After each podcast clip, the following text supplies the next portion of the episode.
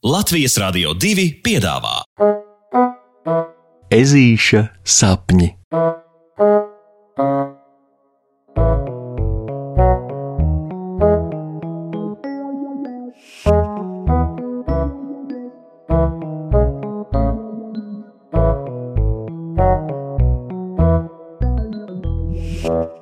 Ezītis sūta labas domas uz otru pasaules malu.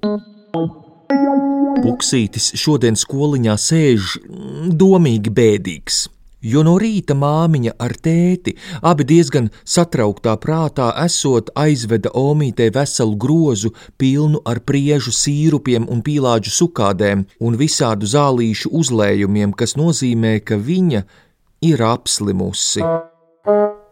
Reizēs, kurās kāds no puksīša tuviniekiem nejūtas īsti lāgā, ežulis pats arī jūtas šķērmi un teju vai nemana, kas notiek viņam līdzās. Tāpēc viņš burtiski salecas solā, kad sajūt sev uz pleca uzgulstam lācēna rokija ķepu. Ew, puksīt, ko darīsi pēc skolas?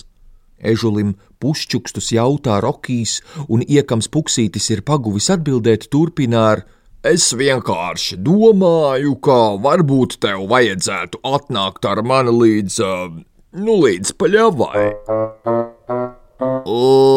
Un ko pļavā? Jautā puksītis, kuram prāts nepavisam nenesas šodien uz nedarbiem. Uh, tas, lai paliek pārsteigums, bet pirms tu man sāci runāt pretī, nekādas podu gāšanas vai spridzināšanas tās nebūs.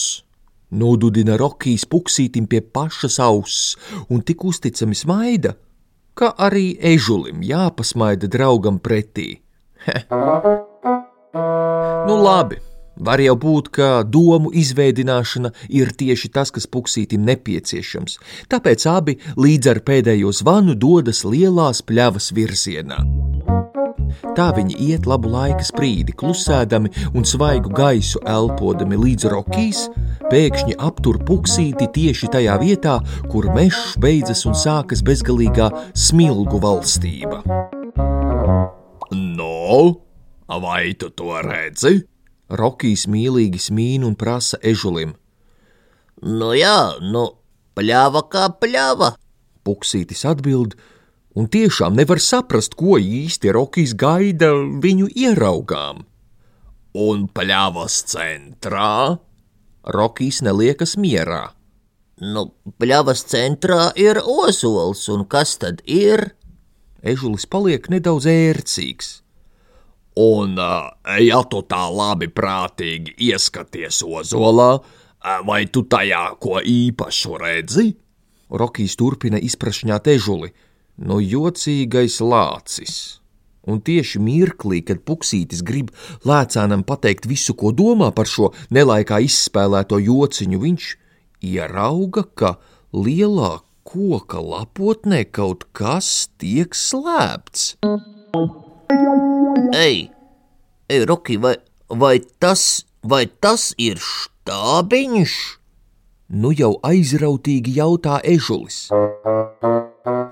Ejap, tas ir mans pārdomu un plānu privāts štābs, un ja kas, tad nekad un neviens svešs tajā nav bijis. Neviens līdz šai baltai dienai, kad es sajūtu, tas man jāparāda arī tev. Ozols pļavas vidū ir kupls zariem un tik lekns, ka pat bez lapām pa gabalu zaru jūklī diezgan labi paslēpj Rokija slepeno štābiņu. Uzrāpies Rokijam kukuragā puksītis ļauj, lai lācēns viņu uznes namiņā, kas, jāsaka, ir uzbūvēts varen pamatīgi un stabili, turklāt šur tur vēl ar koku griezumiem. Hoho, iespaidīgi! Nē, nu, nē, nu jā! Man jau bija doma izbūvēt te arī liftu, bet tad es tā padomāju, ka man tā pašam labi padodas kāpelēt, un nu, nav īsti jēgas. Bet tā kā tu te esi ciemiņš, kurš baigi nav uz kāpelēšanu, tad šodien tavs lifts esmu es. Lāčuks iesmēja, ļaudams puksītim izpētīt štābiņa stūrus un kaktiņus. Rokijam Te ir vecs matracis, kas pārklāts ar krāsainu adītu segu. Līdzās matracim ir veca kumode ar zelta rūkturiem, kurā glabājas šādas tādas medus burciņas. Savukārt štābiņa jumtā ir attaisāma lūka, un uz galda pašā štābiņa vidū atrodas teleskops. Nu, un citreiz, kad vasarās ir skaidras naktis, es ar to mēdzu pētīt zvaigznes. Draugam paskaidro lācēns, ievērojis, kā ezītis ar acīm pēta smalko zvaigžņu pētīšanas aparātu. Man vispār zvaigznes ļoti patīk. Man patīk iztēloties, ka kādreiz es arī tik tālu varētu aizlidot. Katru reizi es teleskopā izvēlos un nopētu vienu zvaigzni, un tad fantazēju, kā tur varētu tuvumā izskatīties, un ka tur varētu dzīvot eh, kaut kādi mani zvaigžņu draugi. Un tā es vienu reizi pētot zvaigznes aizmigu, un, un sapnī vienu tādu draugu arī satiku. No lielā lāča zvaigznāja, un viņš man pastāstīja, lai es nebēdājos, ka nevaru aizlidot pie viņiem, jo es tak varu mierīgi viņiem sūtīt savas labās domas. Iedomājies! Un puksītis iedomājas un lācens Rokijs ir kluss kā pelīte un ļauj viņam mierīgi ierušināties krāsainajā segā uz matrača un sūtīt vislabākās domas viņa omītei, kurai kā jau jebkuram apslimušam mīļa radījumam uz plašās pasaules, tās pavisam noteikti ir vajadzīgas.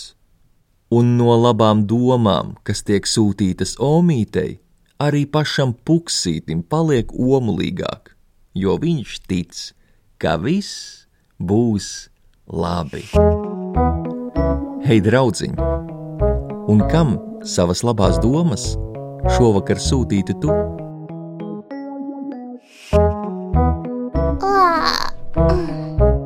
Saldus tev sapnīšus! Tiksimies rītdien!